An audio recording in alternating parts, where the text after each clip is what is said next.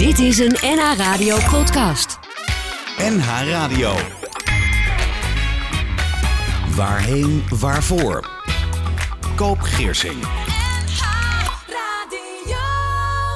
Levend verlies bij chronisch ziek zijn is bijna continu geconfronteerd worden met dingen die niet kunnen, maar die wel konden en die wel hadden moeten kunnen. Ik ben Koop Geersing en praat met een gast over het leven en over de dood. En mijn gast vandaag heeft dagelijks zeurende, stekende, brandende pijn. Soms loodzwaar en soms is het gewoon aanwezig.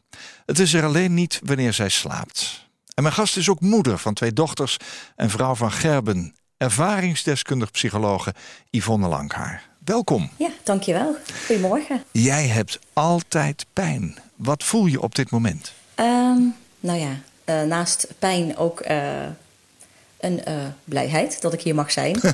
Lukt dat samen? Ja, kun, kun, je blij zijn zonder, zonder altijd maar aan die pijn te moeten denken? Ja, zeker, zeker. Inmiddels zeker, ja. Ja. En dit... Dat, ja, dat, is natuurlijk over tijd aan vooraf gegaan, maar ja, het kan zeker naast elkaar staan. Ja. Ja, en wat voel je? Heb je iets pijn in je nek, in je rug? Ik heb een lage rugpijn. Heb je het meeste last als je zit of staat of loopt?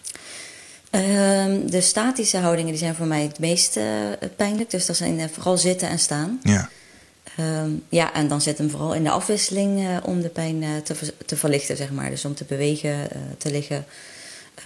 Ja, die bewegingen dan op te pakken, zeg maar. Ja, ja, ja. iemand die dat niet voelt en dat niet kent, die begrijpt het mm -hmm. waarschijnlijk ook niet. Hè? Hoe, hoe, ziet jouw gemiddelde dag eruit in relatie tot die pijn? Wat, wat moet je doen of laten? Hoe zit dat? Um, nou, ik moet zeggen dat ik hem zelf waarschijnlijk ook niet eens meer allemaal zie wat ik moet laten. Um, omdat het alweer zo gewoon geworden is. Ja.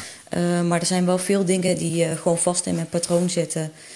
Uh, ja, zoals ik, ik kan niet lang uh, zitten bij het eten. Dus dan zorg ik dat ik vaak wel weer op tijd opsta. Um, ik moet uh, vaak liggen op een dag tussendoor. Um, en dat kunnen kleine momentjes zijn, maar vooral ook echt iets, iets, langere momenten van zeker een half uur dat mijn rug even rust. Ik wandel minimaal twee, drie keer op een dag om die beweging te pakken. En liefst soms tussendoor nog een wat kortere wandeling. Ja, en daarnaast heel veel kleine dingen als niet zomaar even mijn kind op kunnen tillen. Um, ja, huishoudelijke dingen niet, niet kunnen doen. Ja, er zitten heel, het zitten heel veel kleine dingen. Uh, hulp moeten vragen aan, uh, aan mijn man voor dingen die, uh, die ik misschien zelf wel kan, fysiek. maar die gewoon impact hebben op mijn klachten. Dan nemen mijn klachten gewoon toe, neemt de pijn gewoon toe. Ja, ja. dus daar zit het, ja, zijn heel veel kleine dingen gewoon eigenlijk. En ja. veel afwisselen, begrijp ik. Ja, veel afwisselen, ja. ja we gaan het vandaag daarover hebben in Waarheen, Waarvoor. Mm -hmm. Uh, mijn gast is in deze aflevering Yvonne Langhaar, 34 jaar, psycholoog en tevens ervaringsdeskundige op het gebied van chronische pijn. In 2010 begon voor Yvonne als een normaal jaar. Ze was een sportieve jonge meid en ze stond veel en graag op het voetbalveld. Yvonne studeerde psychologie en had een partner waarmee ze graag de wereld over reisde. Tot ze een verkeerde behandeling kreeg van een manueel therapeut en van de ene op de andere dag rugpatiënt was en er geen dag meer was zonder pijn. In een notendop, er volgden jaren met vele verschillende behandelingen, maar die mochten niet baten. Na jaren vechten tegen de pijn werd zij 100% afgekeurd voor haar werk. Yvonne had inmiddels al afscheid genomen van het voetbalveld en zag nu ook haar ambities als psycholoog als sneeuw voor de zon verdwijnen. In deze aflevering praten we over hoe Yvonne op een doodspoor terecht kwam maar van daaruit toch weer een mooie nieuwe weg in kon slaan. En hoe zij ontdekte hoe belangrijk een zinvolle invulling van je leven is. Yvonne, voel jij je vaak alleen staan, omgeven door mensen die niet echt begrijpen wat jij voelt, de hele dag pijn? Um, nou, inmiddels wel veel minder. Uh, de verandering daarin is wel echt uh, geweest dat ik zelf veel duidelijker aan ben geven uh, ja, wat ik voel en waar ik tegenaan loop. Um, zodat mensen daar ook gewoon, ja, dat je anderen daar ook in meeneemt. En dan um, ja, merk je dat het begrip veel groter is, dat er hulp is, uh, nou ja, dat, er, dat er een gesprek mogelijk is. Ja. Um, maar ik heb me daar wel lang alleen in gevoeld, omdat ik het ook te weinig deelde. Ja. ja. Een op de vijf Nederlanders heeft elke dag chronische pijn. Die kan overal in het lichaam zitten, maar de meeste mensen kampen met rug- of nekklachten, heb ik gelezen. Uh, Yvonne, jij kreeg ruim tien jaar geleden een verkeerde behandeling. Wat gebeurde daar? Mm -hmm. Ja. Het, Waarom moest je die behandeling hebben überhaupt? Mag eens iets. Uh, ik moest met die behandeling hebben omdat ik een uh, last had van mijn knie. Uh, nou, zoals je net al vertelde, ik stond inderdaad op voetbalveld. ja, ja. Kwam, ja, ja, ja heel, heel fanatiek ook altijd. Dus die knie die zat daar in de weg. En wij kwamen terug van een backpackreis, hadden daar een bergtocht gedaan. En daar had ik die knieklacht opgelopen. Maar die wilde niet, niet verdwijnen. En ehm, nou ja, ook niet met, gewoon, met oefeningen van de fysio, van behandelingen. En ja, die ban was ook manueel therapeut. Dus op een gegeven moment gaf hij aan van misschien kan ik de rug manipuleren om, ja, om te kijken of daar wat ruimte vrijgemaakt kan worden voor de knie. Mm -hmm. Um, ja, en daar, daar voelde ik dat hij wel iets do doorduwde terwijl mijn rug niet meegaf. En ja, wat er dan precies in een lijf gebeurt, dat is natuurlijk altijd moeilijk te zeggen. Maar ja, ik kwam zonder rugpijn en uh, da daarna is inderdaad geen dag meer geweest zonder rugpijn. Um, dus dat is voor mij wel een heel duidelijk kantelpunt geweest. Um, ja, waar het, waarop het begon. Ja. Heb je het altijd ja. ook uh, even erg gehad? Kijk, ik heb ook wel eens rugpijn als ik verkeerd gezeten heb mm -hmm. of zo. Of als ik te lang in bed gelegen heb, dan sta ik op en denk nou... Um, ja. Maar dat is op de schaal van 1 tot 10 misschien een 1 of een 2 of zo. Waar zit die pijn bij jou ja. op die schaal? Uh, ja, die kan wisselen, die, maar die duikt eigenlijk pijn nooit onder de 6. 7. En uh, ja, dat zijn ook echt wel achters en negens. Zo. En 10 vind ik altijd lastig, want uh, ja, ik lig niet creperend op de grond. Uh, maar er zijn wel momenten geweest dat ik uh, uh, huilend op de bank gelegen heb van, van de pijn. Dat ik niet wist hoe ik verder moest met die pijn. Ja, je zou er toch helemaal en, depressief van worden niet... ook. Als je, als je realiseert ja. dat dit dus de rest van je leven blijkbaar um, ja, onderdeel gaat worden. Ja, nou ja, die momenten zijn er dus inderdaad ook wel geweest. En dan dat, uiteindelijk maakt dat natuurlijk ook de pijn erger als je geen, geen ja, einde eraan ziet en, en, geen uitzicht ziet. En ja, alleen maar bezig bent met de pijn. Ja. Um, ja, dan, uh, dan kun je daar zeker depressief van worden. Ja, ja, wat wat, wat is het verschil tussen de Yvonne Langhaar voor dat moment in 2010 en erna? Hoe is jouw leven veranderd na die gebeurtenis? Waar stond je op dat moment? Um, ja, op dat moment um, ja, was ik sowieso natuurlijk uh, uh, pak een beetje elf jaar jonger. Ja. Dus was mijn leven sowieso wel heel anders. Maar ja. Uh, ja, ik was wel echt een, uh, ja, iemand die, die heel fanatiek op voetbalveld stond. Iemand die ja. heel actief was. Die, nou, we wonen in Rotterdam, dus niks was te gek daar. Dus allerlei dingen ondernemen. festivalletje hier, feestje daar. nou, ja, alles kon eigenlijk. En je hoeft, nergens, nergens echt over na te denken. Ik was student. Nou, ik was wel al samen met inmiddels mijn man. Ja. Uh, wat wilde je worden? Maar, wat, ja, wat, was je, wat was je droom op dat moment? Ik studeerde psychologie op dat moment. Ja. Um, dus ik zat ergens halverwege mijn studie, in derde jaar geloof ik. Um, ja, en dat, was, dat is wel mijn, was wel mijn droom om, daar, uh, om dat af te ronden en als psycholoog aan het werk te gaan. Ja. Uh, ik heb daarvoor een HBO-opleiding gedaan, dus het was een hele bewuste keuze om door te studeren. En uh, ja, dat, dat was wel echt. dat, ja, mijn droom om dat af te maken en daar alles voor opzij te zetten. Ja, ja. ja. toen gebeurde dat. Wat is er veranderd? Nou, aan, aan die droom uiteindelijk, als ik hem heel, uh, uh, praktisch bekijk, niks. Want ik ben aan, aan het werk als psycholoog. Um, en misschien nog wel veel mooier. En, ja. Uh, ja, ik heb mijn studie afgemaakt. Ja. ja. De eerste jaren heb ik ook gewoon echt alles geprobeerd te doen wat, wat ik deed. voetbal viel wel redelijk snel af. Dat ging echt niet meer. Maar ja, dan ga je focussen op studie en doorgaan. Um, ja, en dat werd steeds minder uiteindelijk, wat je kan. Ja. En uh, ben ook eerst gewoon aan het werk gegaan als psycholoog in de GGZ. Um, maar ja, dat lukte niet. Dat lukte niet om dat vol te houden. Ja, nee, nee. Die pijn werd eigenlijk ook steeds erger. Ja. Je was toen al met uh, wat nu je man is, hè, begrijp ik. En ja. je hebt inmiddels, ja. uh, jullie samen twee dochtertjes. Ja. Neem aan dat er voor hem ook wel aardig wat veranderd is in de relatie. Nu jij zeker. zoveel pijn hebt. Uh, ja, hoe, hoe, is dat gegaan? En hoe hebben jullie dat zeg maar geregeld? Of hoe, hoe is hij daarin veranderd? um, ja, je, je, je, groeit, je groeit ook met elkaar mee. Mm -hmm. Ik ken hem al uh, sinds dat ik 16 was, dus het zat ook al een tijd daarvoor. Ja. Uh, dus we zijn sowieso heel erg uh, met elkaar meegegroeid, heel erg ontwikkeld nog allebei. Um, waren allebei heel jong dus. Um, maar hij, ja het is ook een omslag geweest, zeker. Uh, maar, maar niet een heel duidelijk punt. Dus op dat moment, toen dat gebeurde, dan sta je er nog helemaal niet bij stil dat die pijn blijvend uh, is, ja. chronisch wordt. Uh, en ook niet zo heftig wordt dat je leven daar zodanig door beïnvloed wordt. Ja, je bent jong, dus je denkt van nou dat herstelt. En dat gaat eigenlijk jaren door. Je, blijft zoeken naar oplossingen. En daar is hij ook heel fanatiek in, zeg maar.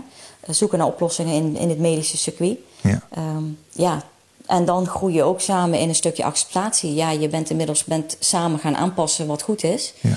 En hij is uh, daar uh, ja, heel goed in om signalen bij mij op te pikken wat ik uh, nodig heb. Of een seintje te geven van, goh, zou je niet even gaan wandelen? Of oh, ja. een verjaardag van, ja. nou, volgens mij is het wel mooi en laten we opstaan. En, of samen even wandelen of nog even wandelen voordat we bij een verjaardag naar binnen gaan. Of ja, er, je hebt zoveel manieren gevonden Wat samen mooi. eigenlijk. Ja, ik vind het ook wel heel lief en liefhebbend. Ja, en zeker. er is voor hem natuurlijk ook heel veel veranderd. Hè? Hij heeft dan niet Ja. de pijn, maar hij heeft wel misschien wel de geestelijke pijn. Ja, oh ja 100 procent. Ja, hebben we het ook wel over hoor. Van, eh, met momenten. eh, ja, als het voor mij eh, zwaar is, maar ook soms zomaar uit het niets. Ja, van hoe, hoe is het voor hem? Als je toch in één keer tegen iets aanloopt. Ja, wat voor hem dan bijvoorbeeld ook eh, pittig is. Ja. Ehm, ja, hoe is dat eigenlijk voor jou? Weet je, ik heb de pijn en ik moet dat dragen. Maar jij moet iets heel anders dragen. En dat is inderdaad je vrouw pijn Ja. zien hebben. Ja. Ja, en ook niet de, een- vrouw hebben die, ja, waar je eh, toen je bij elkaar kwam en het, je leven voor ogen hebt, ja, de dingen mee kan doen. Zeker, ja, hij viel natuurlijk ook op een hele actieve eh, Yvonne, waar hij van alles mee kon doen. Eh, dat is anders geworden. Ja, Ja. Dus daar, daar moet je samen dan een weg in vinden en samen Ja. mee om leren gaan. Nou, respect voor jullie Ja. beiden. Je had nooit gedacht hè, dat je op je dertigste 100% afgekeurd zou zijn. Maar je had altijd wel gehoopt om een eigen praktijk te starten. Dat is ook allemaal gebeurd. Hè? Ja. Eh, Je hebt me ook laten weten dat lange tijd nam de pijn jouw leven steeds meer over. Je, je kon steeds Mhm. minder, terwijl je steeds harder je best deed. Eh, Frits Winter noemt dat in zijn boek De pijn de baas achteruit vechten. Ehm, Ja. Wat is dat precies in jouw leven? Ehm, ja, dat was in mijn leven eigenlijk, nou ja, en hoe, het, hoe hij het ook uitlegt. Dus het was een heel herkenbaar boek voor mij. Ehm, ja, eigenlijk steeds harder je best doen, steeds harder gaan werken. Maar daarmee eigenlijk steeds je grens oprekken. En, en uiteindelijk dus steeds minder kunnen doen, omdat je je lijf eigenlijk steeds verder uitput. En in mijn geval was dat toen de tijd inderdaad. Ik wilde heel graag gewoon aan het werk blijven en reïntegreren. Ehm, want ik was na een revalidatietraject uitgevallen. eh, eigenlijk ook om dat te kunnen doen. En daarna dus niet meer helemaal teruggekomen. Ehm, dus ik, ja, je doet steeds harder je best. Je gaat steeds eh, die pijn verleggen. Steeds door die pijn heen bijten. Om maar dat te kunnen doen wat je wil doen. Ehm, maar uiteindelijk als je het grotere plaatje kijkt... zie je dat je eigenlijk steeds minder kunt doen. Je, je levert steeds meer in. Ja. En Ja. dat was toen ook het geval voor mij. Ja. Dat is in 2010 zeg maar begonnen. Dat duurt dan een hele tijd. Maar op een gegeven moment komt zo'n moment dat je zegt, en nou is het klaar. Ja, nou, wil dat is ik- niet een heel duidelijk moment. Nee, nou misschien achteraf is dat wat makkelijker te bepalen dan Ja. eh, als je daar middenin zit. Maar je zegt wel, Ja. ik heb de knoop doorgehakt en vanaf dat moment ben ik mezelf zeg maar serieuzer gaan nemen. Eh, en, je, en je grenzen ook beter aangegeven. Wat heb je veranderd in je leven? Eh, kun je dat moment nog herinneren? Of die periode dat je dacht van... Ja, eh, zeker. ja? Hoe ja, het was dat? inderdaad eigenlijk een periode. Ehm, ik, ik was inmiddels met een tweede re, revalidatietraject bezig. Ehm, ja, omdat het dus niet lukte om terug te komen op het werk. Ehm, ja, en we daar ook wel nog wel mogelijkheden in zagen. Maar het lukte dus uiteindelijk niet. En eh, nou, ik had eh, inmiddels mijn eerste dochtertje. En eh, ja, dat, ik heb even een tijd gehad tijdens mijn zwangerschapsverlof dat ik wat minder pijn had. Oh ja. Omdat ik dus niet zoveel hoefde te zitten en ja, veel meer mijn beweging kon afwisselen. Ehm, ja, en dat heeft wel mijn ogen geopend. Zeker omdat ik daarna dus weer ging opbouwen en eigenlijk zo weinig met mijn dochter kon doen. Eh, zo, mijn man eh, zoveel meer moest doen. Dus ik kon haar eigenlijk s s'avonds niet eens eh, eh, naar bed leggen. Omdat ik drie uur op een dag verspreid op een dag eh, drie keer één uur eigenlijk gewerkt had. Ehm, ja, dat, dat was het me niet meer waard. Dus daarvoor kon ik mezelf nog wegcijferen. Kon ik, ja, eh, heel eerlijk, mijn man eh, konden we ons samen nog wegcijferen, zeg maar. Ja. Ehm, ja, en toen ik mijn dochter had, eh, eh, ging dat niet meer, wilde ik dat niet meer. Dus Nee, eh, nee. ja, daar is wel een knop, knop omgegaan dat ik dacht, eh, en nu wil ik, eh, ja, nu, nu ga ik mezelf serieuzer nemen, ook voor haar, om voor haar te kunnen zorgen en Ja. voor haar te zijn. Ja. Je hebt je kinderen gekregen terwijl je die pijn ook had. Hè? Heb je ooit eh, overwogen of je wel kinderen zou willen met zoveel pijn? Ja, zeker, zeker bij de eerste. Omdat het dan natuurlijk nog helemaal niet... eh, Ja, je hebt helemaal geen idee hoe je lijf daarop reageert. Nee. Ehm, en ik zat natuurlijk ook in dat proces, maar ja, we verschoven eigenlijk steeds verder alles op. Ehm, en toen heeft een bedrijfsarts gezegd van, eh, je, hebt, je, je weet nooit hoe je lijf reageert. Er zijn Nee. ook vrouwen die uiteindelijk minder pijn hebben door dat eh, nou ja, hormonen dingen versoepelen in je rug en Ja. eh, in je bekken. Dus ehm, ja, die heeft wel eh, voor mij een setje gegeven van, ja, je, hebt- je weet het nooit. Je kunt niet je leven continu op pauze zetten om, Nee. eh, ja, uit angst eigenlijk. Ehm, ja, dat heeft uiteindelijk eh, geholpen. En bij een tweede hebben we het zeker ook wel overwogen. Van ja, die eerste, de, eh, dat is zwaar, eh, fysiek. Maar ehm, ja, we wilden toch wel heel graag een tweede kindje. Eh, Ja. De zwangerschap en eh, bevallingen vielen uiteindelijk mee. Eh, dus daar hoefde ik het niet voor te laten. Het was wel een zwaar proces, maar goed, dat is voor heel veel vrouwen natuurlijk ook wel. Ja. Ehm, dus uiteindelijk hebben we die knoop doorgehakt. Overigens is het wel een, weegt het wel mee om niet voor een derde kindje te kiezen. Oké. Ehm, Ja. Dus de tweede wilden we echt heel graag. Een derde had ik anders denk ik ook wel heel graag gewild. Eh, maar dat is voor nu, eh, dat, is ook, dat, is, dat is helemaal goed. Dat, is, eh, dat zou ook gewoon echt wel zwaar, Ja. te zwaar worden, zeg maar. Ja, het is mooi Ja. hoe je toch in je woorden ook kiest om met een ander rekening te houden. Want Je zegt het was een zwaar traject, maar een bevalling is voor andere vrouwen soms ook zwaar. Terwijl jij misschien wel helemaal barst van de pijn, zou je kunnen zeggen. Ehm, hoe, hoe oud zijn je dochters inmiddels? Anderhalf en vier en half. Oh ja. oh ja, die hebben nog volop zorg nodig natuurlijk. Hè? Ja. Ja, Heb- ja, hebben jullie het qua werk wat dat betreft ook zo aangepast? Eh, werkt jouw man ook? Ja, mijn man die werkt zeker. Ja, die, eh, ja die, dat is natuurlijk ook wat dat, betreft- wat dat betreft de belangrijkste kostwinner en eh, zekerheid daarin. Ja. Ehm, inmiddels werkt hij natuurlijk veel thuis, dus dat is voor mij wel Oh, echt heel fijn. Ja. Vindt hij het ook fijn? Maar ehm, in- inmiddels wel. Vorig jaar april dacht je daar heel anders over. Ja. Maar eh, ja, dan moet je alles op inrichten. En er waren de scholen dicht en de opvang. En ja, dan, toen was het wel echt zwaar met de, met de meiden thuis. Nou, dat geloof ik. Eh, omdat ik dus natuurlijk ook gewoon mijn eigen rust nodig heb. En hij dus zijn werk daarop aan moest passen. Ja. Ehm, ja, en normaliter kan ik dat met opvang op, eh, opvangen, zeg maar. Ja. Ja. Dus ehm, ja, maar nu, nu gaat dat goed. En, en ik werk natuurlijk ja, part-time met mijn eigen bedrijf, met mijn eigen praktijk. Ja. Dus ik kan daar ook veel in opvangen qua, ehm, ja, qua mijn zelfzorg en zorg voor de kinderen. Ja, vanuit jouw eigen ervaring help jij mensen in jouw praktijk. Gaan we het zo meteen eh, over hebben. En Ja. we gaan het ook hebben over rouw. Hè? Want in zekere zin heb je ook met rouw te maken. eh, eh, Ja. Omdat je er steeds achter komt. Ja, ik kan bepaalde dingen niet die ik vroeger wel kon. Eh, anderen kunnen het Ja. wel, dat soort dingen. Ik heb jou ook gevraagd, neem eens drie liedjes mee... die op jouw eigen uitvaart misschien wel gehoord moeten worden. Was dat confronterend? Ehm, nou, confronterend misschien niet, Oh, maar het- ja, wel, wel lastig. Nee, ik, ben, ik vind het had ze nog niet klaar liggen, om met de dood bezig te zijn. Nee, Nee, precies, ik had ze niet klaar liggen. Nee. Ja, Nee. je hebt er toch drie meegenomen. Dus je bent uit Ja, die zeker. keuze gekomen. Cat Ja. Stevens, die staat als Ja. eerste op het lijstje. Waarom heb je daarvoor gekozen? Ehm, nou ja, sowieso is het een liedje wat eh, bij mij een heel eh, warm gevoel oproept, omdat eh, die plaat vroeger heel veel door mijn moeder gedraaid werd. Oh ja. Eh, dus Cat Stevens, die, die muziek, dat is sowieso een heel fijn gevoel van eigenlijk thuis zijn, zeg maar. Van goed voelen, van warm gevoel. Dus ehm, ja, vandaar was Cat Stevens, die draai ik ook nog steeds wel heel veel. En dat liedje, dat roept bij mij eigenlijk ja, heel veel verschillende dingen op. Ehm, van ja, het, eh, eh, het, het mag zo geweest zijn, zeg maar, terugkijken. eh, maar ook verder kijken naar nou ja, Nieuwe Morgen. Verklap ik het al een beetje voor de mensen die de muziek een beetje kennen. Ehm, ja, dus, dus eigenlijk op verschillende vlakken vind ik dat gewoon een heel mooi lied. En geeft het mij kracht, geeft het mij energie om, om vooruit te kijken. En ik hoop, nou ja, als ik het dan vertaal naar de begrafenis, dat andere mensen dat ook zo mogen voelen.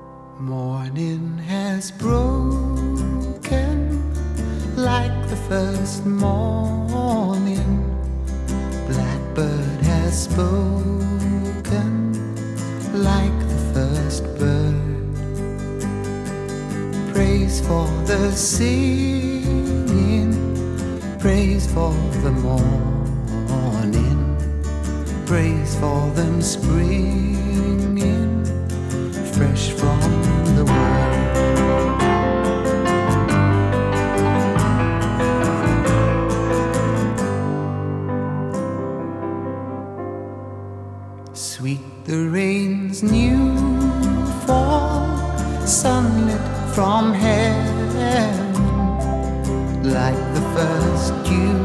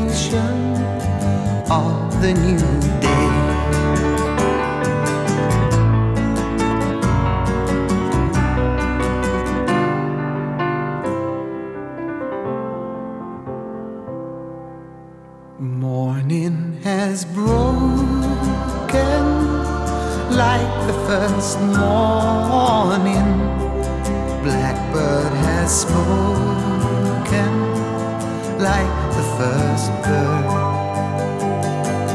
Praise for the singing, praise for the morning, praise for them springing fresh from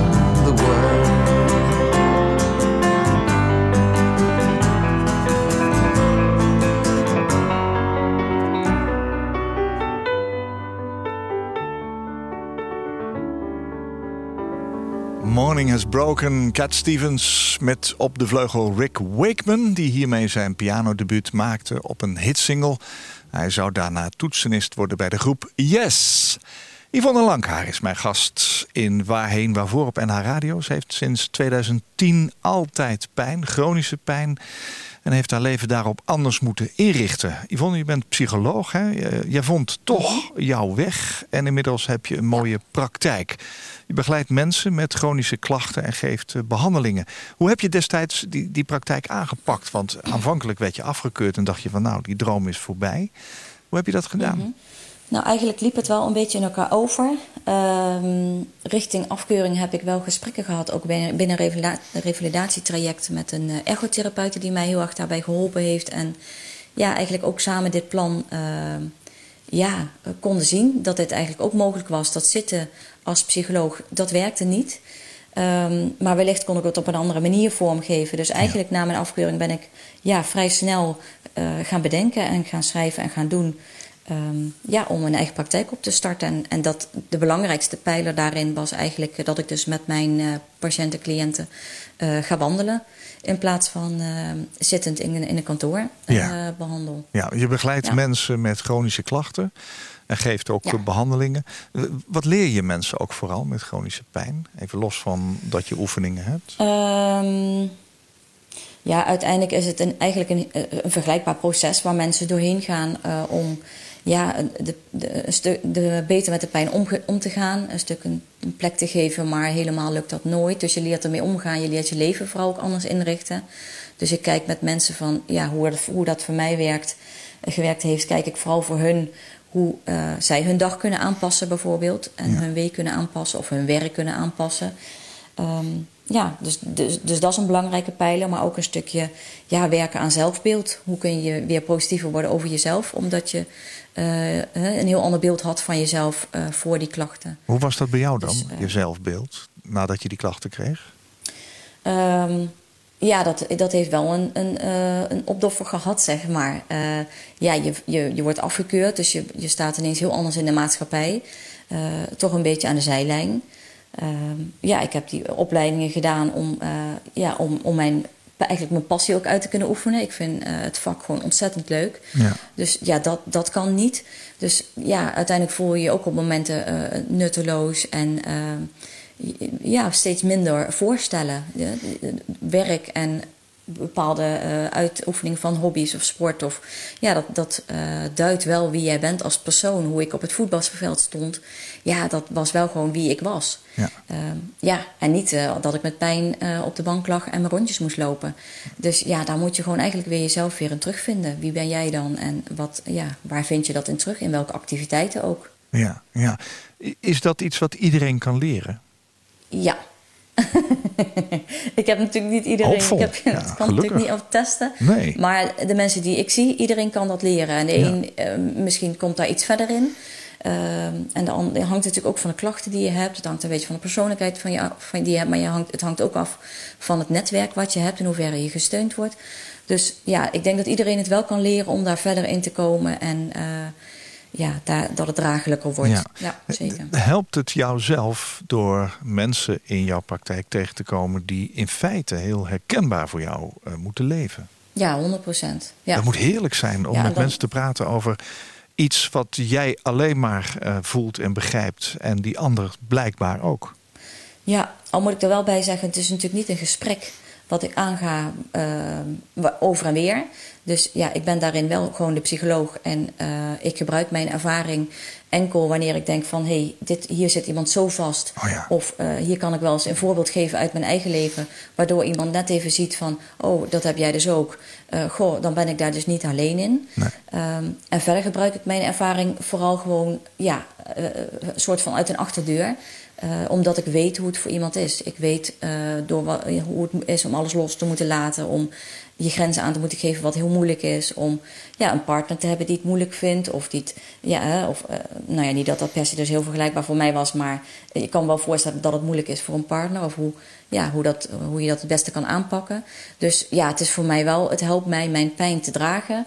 Zeg maar dat ik dit kan inzetten. Dat ja. het een functie heeft. Dat ja. ik dit kan gebruiken om andere mensen verder te kunnen helpen. Ja, ja. ja snap het. Je zou me kunnen voorstellen dat mensen ook naar jou toe komen vanwege jouw, nou ja, zeg maar toch ervaringsdeskundigheid. Ja. Ja, klopt. Ik heb uh, in het begin een tijdje getwijfeld van... ja, ga ik mezelf uh, daarin ook zo naar voren zetten, zeg maar? Ben ik gewoon psycholoog en behandel ik mensen met chronische klachten? Ja. Of um, ja, laat ik ook duidelijk zien van... goh, maar dit is ook wat ik zelf heb. En ja, vanaf dat moment vinden mensen mij inderdaad eigenlijk ook om die reden. Ja, ja. ja omdat mensen al heel veel behandelaren gezien hebben... die het vaak veel moeilijker ja, kunnen begrijpen. Die het niet gevoeld hebben, die... Uh, toch vaak over dingen heen gaan, de verkeerde woorden gebruiken. En ja, dat, dan is dit toch een, een heel herkenbaar iets. Ja, ja. ja. Nou ja, zo profileer je jezelf wel hè, op je website, yvonnelankaar.nl. Ja. En daar ja, krijg je ook inderdaad het gevoel van... Uh, zij weet waar ze het over heeft. Ja. ja. Je maakt een hele um, dat, optimistische uh, indruk. Je, je, maakt ook, uh, mm -hmm. dat, dat zie ik ook in je foto's. Hè. Een hele, hele vrolijke vrouw. Um, ja. Ik kan me zo indenken dat mensen om je heen die helemaal niet begrijpen waar je het over hebt, dat die uh, ja, vol onbegrip zitten. Um, wat kom je daarin tegen? Um, nou, mensen, mensen, dan reageren mensen eigenlijk nooit op onbegrip. Het is natuurlijk heel naar om te horen als iemand continu pijn heeft. Ja. Dus daar wordt eigenlijk altijd wel met begrip op gereageerd. Ja. Het lastige is wel dat je het niet ziet. Ja. Um, dus mensen gaan er wel sneller aan voorbij. Mensen doen wel uh, sneller voorstellen die voor mij niet haalbaar zijn. Of um, ja, vinden het dan wel eens lastig dat ik moet afzeggen omdat het op dat moment niet gaat. Omdat nou ja, slechte nacht of ja, dat heeft allemaal impact oh ja. natuurlijk op mijn pijn. Ja, um, ja dan, dan is het wel eens lastig dat ik dan degene ben die af moet zeggen of waardoor het aangepast moet worden. En ja. dat vind ik zelf natuurlijk lastig. Maar het kan voor anderen natuurlijk ook wel eens lastig zijn. En ja, ik denk dat het hem vooral daarin zit. Dat mensen um, door het niet, niet te zien, dat het niet te zien is, dat het soms ook lastig in te schatten is dat het er wel steeds is. En uh, ja, het ook wisselt in, hoe, in welke mate het is. Dus het is er soms meer waardoor dingen weer anders lopen Ja. dan, dat het, ja, dan dat gepland. Ja. Het is ook moeilijk, hè? Omdat je wil misschien ook niet altijd maar over die pijn beginnen. Ook niet als vriend of Nee. vriendin. Hè? Omdat je ook misschien probeert daarin het gewone leven te bespreekbaar te maken. Wat voor iedereen Mhm. natuurlijk belangrijk is. Dus het is best een ingewikkeld ding. Maar dat je natuurlijk regelmatig afzegt. Ja, dat, dat, eh, ik begrijp best dat mensen dat soms eens lastig vinden. Ja. Ja. Ja. Je hebt je leven aardig moeten omgooien in ieder geval. Dat is wel duidelijk. Um, Yvonne, zojuist hebben we even geluisterd naar Cat Stevens. Maar je hebt drie liedjes meegenomen. Het volgende liedje hoor ik nog wel eens in de aula van een, uh, ja, een begraafplaats of een crematorium. Mhm. De Steen uh, van Paul de Leeuw. Ja. Waarom staat die op je lijstje? Ja, dat was eigenlijk de enige, het enige liedje uh, toen jij mij die vraag stelde... waarvan ik dacht, ja, die heb ik wel eens vaker gedacht dat ik die... nou ja, als ik dan zelf voor het kiezen zou hebben, zou draaien. Ja. Ehm, ja, omdat hij mij ja, ergens een stukje vertrouwen geeft en hoop van... ja, je hoeft eigenlijk maar iets kleins te doen... en dan kan er ergens al een, kleintje, een klein steentje verschuiven in die stroom... Um, ja, en dat is ook wat ik zie gebeuren in de gesprekken die ik heb met mensen in mijn praktijk. Dus ja, Oh ja. Dat, dat heeft wel heel veel overlap met, um, ja, met wat ik nu doe en hoe ik in het leven sta. En dat het misschien niet zo uh, groot en uitgedacht is zoals ik het van tevoren bedacht had, maar veel kleiner en eigenlijk veel intenser. Dus um, ja, vandaar dit liedje. De Steen, Paul de Leeuw.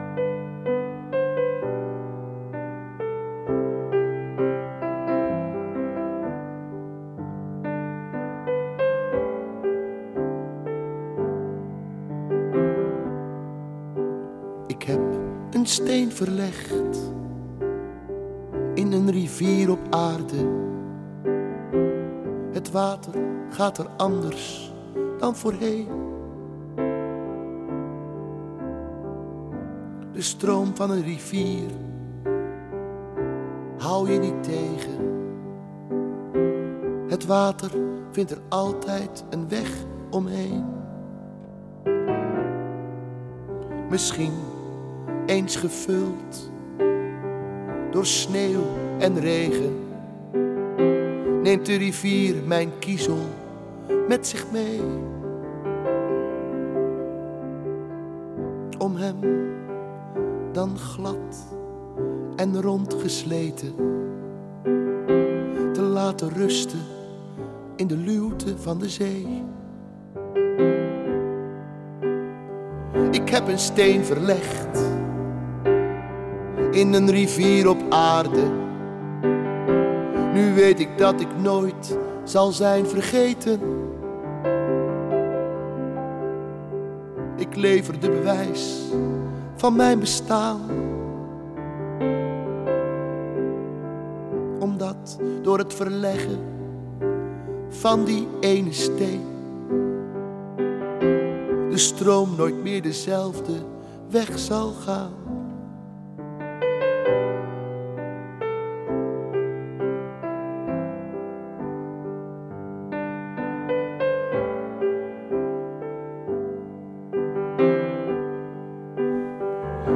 Een steen verlegd in een rivier op aarde. Nu weet ik dat ik nooit zal zijn vergeten. Ik lever de bewijs van mijn bestaan. Omdat door het verleggen van die ene steen de stroom nooit meer dezelfde weg zal gaan. Het lied geschreven door Bram Vermeulen, hier gezongen door Paul de Leeuw. De steen, door het verleggen van die ene steen weet de schrijver dat ik nooit zal zijn vergeten. Iedereen doet iets dat belangrijk genoeg is in zijn of haar leven. En Yvonne zegt, ja, een klein gebaar, er zijn voor anderen, een klein steentje verleggen in die rivier. Dat kan een hele stroom veranderen. Yvonne Lankhaar uh, is mijn gast vandaag in Waarheen, Waarvoor. Yvonne, je hebt de hele dag maar pijn. Je hebt een uh, moment gevonden in je leven waarop je zei... nou wil ik toch daarmee leren omgaan. Dat is niet een moment wat op een bepaald dag en een bepaald tijdstip gebeurde... maar het is wel gebeurd. Um, mm-hmm. Je spreekt daarbij ook over rouw, hè? over levend verlies, zoals de term is. Bijna ja. continu geconfronteerd worden met dingen die niet kunnen, die wel konden of die wel hadden moeten kunnen. Wat kom jij tegen en, en hoe ga je met dat levende verlies om? Um, ja, ik, het dubbel eigenlijk, of, of tweeledig eigenlijk. Uh, enerzijds is het uh, een, manier, een andere manier vinden. Ehm, dus uh, nog even terugkomend op net uh, van het afzeggen van afspraken. Ja, wat ik eigenlijk mensen in mijn, in mijn behandelgesprekken eigenlijk ook leer en dat zelf ook toepas, is dat het nooit per se heel zwart-wit hoeft te zijn. Nee. Dus het hoeft niet altijd uh, ofwel of niet doorgaan van een afspraak te zijn. Ja, het kan ook zijn, ik ga korter of ik ga een, zet een zittende afspraak om naar een wandelafspraak. Of, nou ja, en daar is mijn omgeving inmiddels uh, ja, ook heel goed in, in, ingesteld, zeg maar. Dus die weten ja, dat soms afspraken ook gewoon iets kunnen veranderen. Um, ja, en dat is denk ik ook een stukje omgaan met levend verlies. Dat je dus geconfronteerd wordt met: oké, okay, ik moet nu dus een keuze maken of het moet anders, want als ik nu doorga, gaat dat ten koste van mijn eigen lijf en van mijn Oh ja. pijn. Dus ik ga een verandering aanbrengen. Um, ja, en anderzijds, soms zijn er ook wel gewoon uh, pieken of, of, dalen, zeg maar, waarop de pijn gewoon uh, ja, echt even te heftig is om, om dat uh, aan te kunnen. En dan, ja, dan sta je er samen bij stil. Ja, um, ja hoe dat is. Dan, soms huil je er even om of ja, heb je het er een gesprek over. Of ja, dan mag de emotie er ook zijn. En, Ja. ja, en dan ga je daarna weer verder. Ja. Je huilt wel eens af en toe zo dat je echt toch er niet meer tegen Ja. kan. Ja, nou dat heeft lang geduurd, want ik, ik heb, uh, ben niet zo'n makkelijke huiler. Nee? Maar uh, nee, nee. Ik ben meer uh, van het, nou ja, doorgaan en... Niet lullen maar poetsen noemen ze dat. Ja, die, precies, die ja. ja. Die precies. Ja. Nou ja, goed, anderzijds in mijn gesprekken doe ik het andersom eigenlijk. Hè. Dan ben ik natuurlijk vooral ook al aan het kletsen. Nee, nee snap ik. Ehm, er is natuurlijk wel een verschil tussen de Yvonne die professioneel haar werk doet... Ja. en Yvonne die uh, ook Precies. ja, zich af en toe best patiënt mag voelen, toch? Ja, ja. En dat maakt ook weer dat, dat, het, dat ook dat stukje herkenbaar is. Ja. Uh, en dat maakt ook weer dat het, dat het voor mij bedraaglijker is als, het, als er echt weer een hele nieuwe periode aanbreekt. Uh, daar zit ik nu in en ben ik doorheen gegaan dat het pijn weer zoveel heftiger was. Um, dat ik ook weer andere uh, zwaardere pijnstillingen zo moest nemen. Ja. Nou ja, dan, dan besef ik ook wel weer van, ja jeetje, dit, dit, ook dit heb ik dan nu dus weer uh, ervaren. En ja, ook daar moet ik doorheen, kom ik doorheen. Ja, en kan ik uiteindelijk toch ook weer inzetten in de behandelgesprekken die ik voer, dat ik weet waar mensen het over hebben. Ja. Heb, je, heb je van tijd Dus, tot tijd toch nog hoop dat er ooit iets gevonden wordt waarmee jouw pijn verlicht zal worden? Ja, ja, hoop doet leven, zeg ik dan toch maar Ja? wel. Ja. Uh, er is altijd wel een klein stukje hoop, maar ik ben ook heel realistisch. En um, ik denk dat uh, zeker mijn man vaak meer hoop, hoop heeft daarop. Uh, die wil daar meer hoop op hebben dan ikzelf. Um, ja, ik ben daarin zelf natuurlijk zo vaak teleurgesteld door behandelaren. Dat, het, dat ze zeiden van nee, ik ga jou afhelpen van je pijn. Want dit, dit kan niet en dit moet gewoon te verhelpen zijn. Ja, en dat blijkt dan niet zo te zijn. Dus Ja. ja, ik heb er maar wel bij neergelegd. Een soort van, van oké, nou dit is het. Maar um, ja, het, ik, soms als er nog iets op mijn pad komt... dan kijk ik wel van, goh, kan dit mijn pijn wat verlichten? Ja. Maar dat het echt weggaat, ja, daar, daar heb ik me bij neergelegd. En nee. uh, ja, niet dat dat altijd... Er zijn makkelijke momenten en moeilijke momenten. Maar het is niet dat ik de hele tijd denk... goh, uh, ik struin het internet af om te zoeken naar uh, die beste behandeling. Nee, nee. nee, Je kunt wel goed slapen. Want dan heb je geen pijn, begrijp ja. ik. Nee, klopt, klopt. Nee, als de pijn, uh, ja, als, als, er zijn periodes dat de pijn te heftig is en dan kom ik heel moeilijk in slaap. En als Ja. ik wakker word s'nachts, kom ik wederom weer moeilijk in slaap van de pijn. Maar over het algemeen uh, slaap ik goed. Zeker met, met onze Ja. jonge kinderen. Ja. Dan uh, heb je slaap toch wel nodig. Dus, uh, Nou, dat is wel een zegen ja, dat dan, dat lukt dus van tijd tot tijd. Is er, is er ooit een moment dat je helemaal geen pijn voelt? Even heel kort.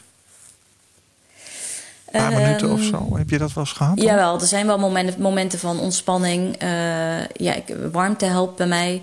Dus dat, er zijn wel momenten dat het pijn gewoon echt eventjes eh, ja, tot een minimum beperkt is. Dan zit je misschien op die 1, 2. Ja. Ja. Ja. We zeiden net dat er een verschil is tussen de professionele en de, zeg maar, de, de, de, de mens, de, de patiënt Yvonne. Ehm, Mhm. Is dat soms niet heel moeilijk ook eh, tijdens jouw werk? Dat je misschien wel eens met iemand spreekt waarbij je denkt van wauw, daar heb ik zelf ook iets aan. Hoe, hoe, hoe hou je die afstand steeds? Ehm, ja, ik, ja, ergens gaat het gewoon vanzelf. Ik, ik ben de psycholoog en iemand komt bij mij eh, met, een, met een hulpvraag. Ja, Ehm, ja, er zijn in, mijn, in het verleden, toen ik eh, met andere groepen werkte, met andere eh, doelgroepen. Ik zie nu trouwens ook wel andere doelgroepen, hoor, maar dit is wel de grootste groep die ik Ja. zie. Eh, ja, daar haal ik ook wel eens iets, haalde ik ook wel eens iets uit. Je leert van mensen. eh, en ja, je leert vaak van mensen juist die diep zitten en daarin hun ja, hun stappen zetten. Die komen natuurlijk van ver, dus die, Ja. doen, die leren veel, zeg ik altijd. En dan, ehm, ja, dan zijn er dingen herkenbaar of dingen waarvan je... Soms is het ook met de neus op de feiten dat ik mezelf iets hoor zeggen tegen een patiënt. En dat ik denk, ja Yvonne, eh, doe dat dan lekker ook even zelf. Ja, oh ja, ja, ja. Ja, dat Ja. komt natuurlijk wel voor. Dat herken Ja. ik wel, ja. maar goed, dat het- je- ja, die behandelrelatie, dat eh, blijft wel altijd voor mij een, eh, een scheiding. Dus ik geef voorbeelden puur wanneer het functioneel is. En het is niet dat ik aan het eh, babbelen ben over eh, beide situaties. Nee, dat begrijp ik. Dat begrijp ik. Vind ik wel knap hoor, eh, dat je dat kunt scheiden. En ja, zo af en toe zo'n opmerking maken waarbij je zelf denkt van, oh ja, eh, dat had ik zelf Ja. ook wel eens kunnen doen. Je kunt een ander altijd een beter advies geven dan jezelf, denk ik Ja. wel eens. Hè? Ja, Ja. dat blijft. Ja. Morning Has Broken van Cat Stevens hebben we gehoord. De Steen van Paul de Leeuw. En nu hebben we een liedje dat, eh, nou, ik zal eerlijk zeggen, mij persoonlijk ook raakt. Omdat het ehm, gedraaid is destijds bij de uitvaart van mijn vader in 2012. Mhm. Ehm, vertel even waarom jij tot deze keuze kwam. Ehm, nou, dit lied eh, hoorde ik dus eh, op voor het eerst op de begrafenis. En dat was van de opa en oma van mijn man. Eh, dit vonden ze allebei een heel mooi lied. Dus nou ja, dat werd ook verteld. Dus dan komt het extra binnen. Zij betekenen ook wel veel voor mij, die opa en oma. Ehm, en nou ja, ik ben geloof, ik ben christelijk. En ja, dat is ook wel gewoon een, een, een, kracht. Een, ja, dat ik daar altijd bij terug mag komen. En ja, daarin raakt dit lied mij gewoon. Ja. Ja, Abba Vader, u alleen door Remco Hakkert.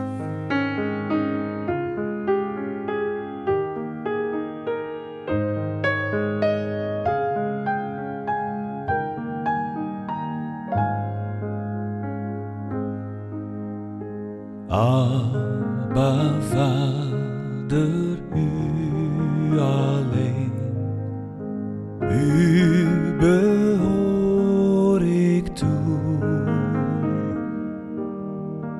U alleen doorgrond mijn hart.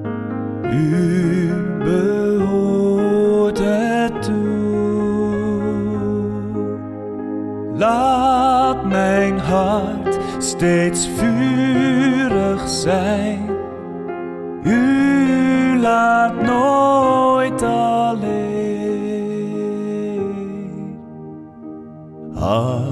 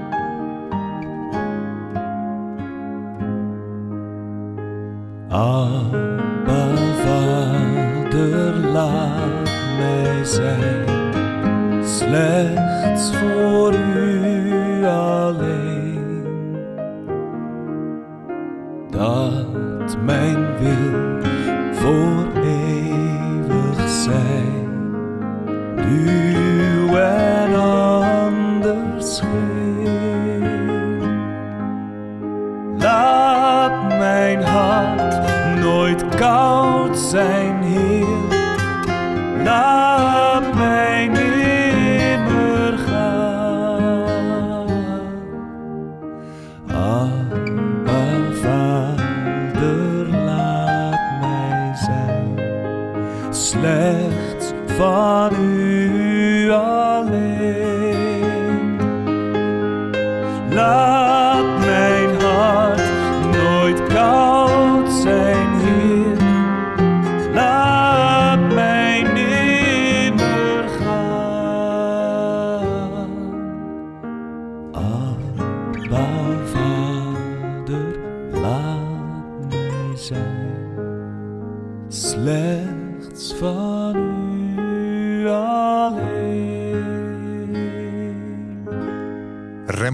Hij zingt voornamelijk christelijke liederen. Hier met Abba, Vader, een lofzang. In het modern Hebreeuws wordt Abba of Abba informeel gebruikt voor pa of papa. Het is een hele mooie versie. Je moest even nadenken over de uitvoerende Yvonne. Hè? Mhm. Ja, zeker. Ja, Ken je Remco Hackert? Nee, ik ken hem verder eigenlijk niet. Nee. Nee, nee, nou. Dus ik heb eigenlijk gewoon verschillende versies opgezet. Ja, dat is een hele mooie eh, versie ook. Hij heeft een prachtige stem. Ja. Ja. Yvonne, het, het is jouw missie geworden om mensen met een chronische ziekte een stem en een gezicht te geven. Waarom vind je dat zo belangrijk? Ehm, nou, omdat eigenlijk er naast de pijn eh, zoveel meer is wat eigenlijk ook niet gezien wordt. Ehm, er zijn zoveel nou ja, punten, zeg maar. En dat, een daarvan is bijvoorbeeld die, je- die je straks al noemde in een relatie. Ja. Heeft het impact? Eh, het heeft impact op ouderschap. Het heeft op zoveel eh, verschillende vlakken eigenlijk eh, impact. En ehm, ja, op het moment dat dat wat meer gezien en besproken mag worden, denk ik dat de pijn ook veel draaglijker wordt. Dus ehm, ja, dat, dat voelt voor mij gewoon heel sterk dat ik dat eh, graag bespreekbaar wil maken. Ja. Ik ben daar ook veel online eh, mee bezig. Er is op dit moment, noem ik dan nog even, een themamaand eh chronisch ziek en ouderschap. eh, die ik organiseer op, eh, op social media, op Instagram. Ehm, ja, en daar worden gewoon heel veel mooie verhalen en filmpjes gedeeld van, eh, van mensen, van chronisch zieke ouders. Ja. Hoe dat voor hun is. Ja, en dan zie je gewoon dat dat verbindt. En dat dat, eh, ja, welke ziekte of pijn er ook achter zit. Ehm, ja, als dat besproken mag worden, dat het dan gewoon veel draaglijker wordt voor mensen. Ja, als, eh, Dus, als eh, luisteraars ja, eh, die op dit moment ehm, deze uitzending volgen of de podcast, Mhm. ehm, het idee hebben, ik wil daar meer van weten. Waar kunnen ze dat vinden, zo'n thema maand bijvoorbeeld? Je zegt Instagram, wat moeten ja, we die- zoeken? Die kunnen ze vinden op Instagram. Ja, Yvonne Langkaart, psycholoog. Oh ja. Dan vinden ze eigenlijk de hele themamaand. En eh, ja, via mijn website kom je ook wel bij icoontjes van Instagram, zeg maar. Dus Ja. yvonnelankaart.nl vind je het ook. Maar eh, ja, daar, daar, ja dat, dat vind ik gewoon ontzettend mooi. Dat daar eh, eh, woorden en beelden aan mogen, gegeven mogen worden. Zodat mensen zich daarin kunnen herkennen. Zich daar niet alleen in voelen staan. En dat ook weer bespreekbaar maken in Ja. hun omgeving. En dat, ja, dat, dat geeft mij ontzettend veel kracht om zelf door te gaan. Als ik zie wa- wat mensen uit de gesprekken halen die ik voer. hoe, ja, hoeveel balletjes dat laat rollen in hun eigen Ja. leven. Ja, natuurlijk. Ehm, ja, dat is prachtig om te Ja, zien. er zijn Ja. veel onbesproken thema's. Ook nog wel een beetje taboesfeer misschien. Mensen die zich Precies. schamen voor eh, het feit dat ze ja, dit hebben. En dat kunnen ze allemaal eh, zeg maar delen daar op eh, Instagram. In die thema maanden die jij organiseert. Je zou nog eens een keertje een boek kunnen schrijven, denk ik, als ik het zo hoor. Ja, is veel zitten. Hè? Ja, Ik heb oh het al wel eens overwogen. Oh maar-. Je kunt inspreken, toch, als je wandelt? Ja, precies, precies. Dat zou misschien nog eens een optie zijn. Daar ben ik beter in. Ja, jij, jij hebt Ja. eh, eh, zelf eh, het boek De Ongemakkelijke Lessen van Mrs. P aan mij laten weten. Dat spreekt je aan omdat het een openhartig verslag is over ja, vooral loslaten. hè. Het gaat over Parkinson op je 49ste. Ja. Dominique Prins heeft dat geschreven. Die is trouwens binnenkort ook mijn gast in dit programma. Welke Ah, lessen heb jij van haar geleerd? Ehm, ja, vooral dat, dat loslaten. Dus wat er op je Ja. pad komt. ehm, maar, maar ook een weg in vinden. Dus eh, stukjes kun je loslaten. Maar het is ook een nieuwe manier van, eh, van leven aanleren. Ja, En eh, ja, daar, daar is zij inderdaad, heeft zij een heel mooi boek over geschreven. het is ja. jou gelukt hè? Om dat nieuwe leven aan te Ehm, leren. Ja, Ja. ja, dat vind ik heel ja knap. denk ik wel. Ja, Ja. zeker. Mijn gast in deze aflevering van Waarheen Waarvoor was Yvonne Langhaar, psycholoog en ervaringsdeskundige op het gebied van chronische pijn. Ze spreekt open over haar klachten, hoe ze met dingen omgaat en hoe ze bepaalde stappen genomen heeft. Ze spreekt veelal dezelfde taal als haar cliënten, waardoor mensen zich gehoord voelen in de harde wereld van de medische zorg. Inmiddels heeft Yvonne ook een online training omgaan met chronische pijn en een Instagram-platform waar mensen hun verhalen delen, herkenning en erkenning vinden bij elkaar. En waar ze laagdrempelig leren en uitgedaagd worden over allerlei onderwerpen rondom chronische pijnklachten. Yvonne, wat fijn dat je in deze aflevering van Waarheen Waarvoor je verhaal wilde vertellen. Dank je wel. Ja, ga heel graag gedaan. Ik wens jou alle goeds. En hoop dat je lotgenoten kunt helpen met jouw behandelingen. En dat je er zelf ook iets aan hebt. Hè? Je zou een boek kunnen schrijven, heb ik al gezegd. Moet je beslist doen. Inspreken. Handen Ja, laten uitwerken. Ja. Dag Yvonne. Dankjewel. Koop Geersing. Als jij een keer te gast wilt zijn in Waarheen Waarvoor... om te vertellen over jouw levensreis, laat me dat dan weten... via waarheenwaarvoor.nhradio.nl waarheenwaarvoor.nhradio.nl Dit was een NH Radio podcast. Voor meer, ga naar nhradio.nl. Radio.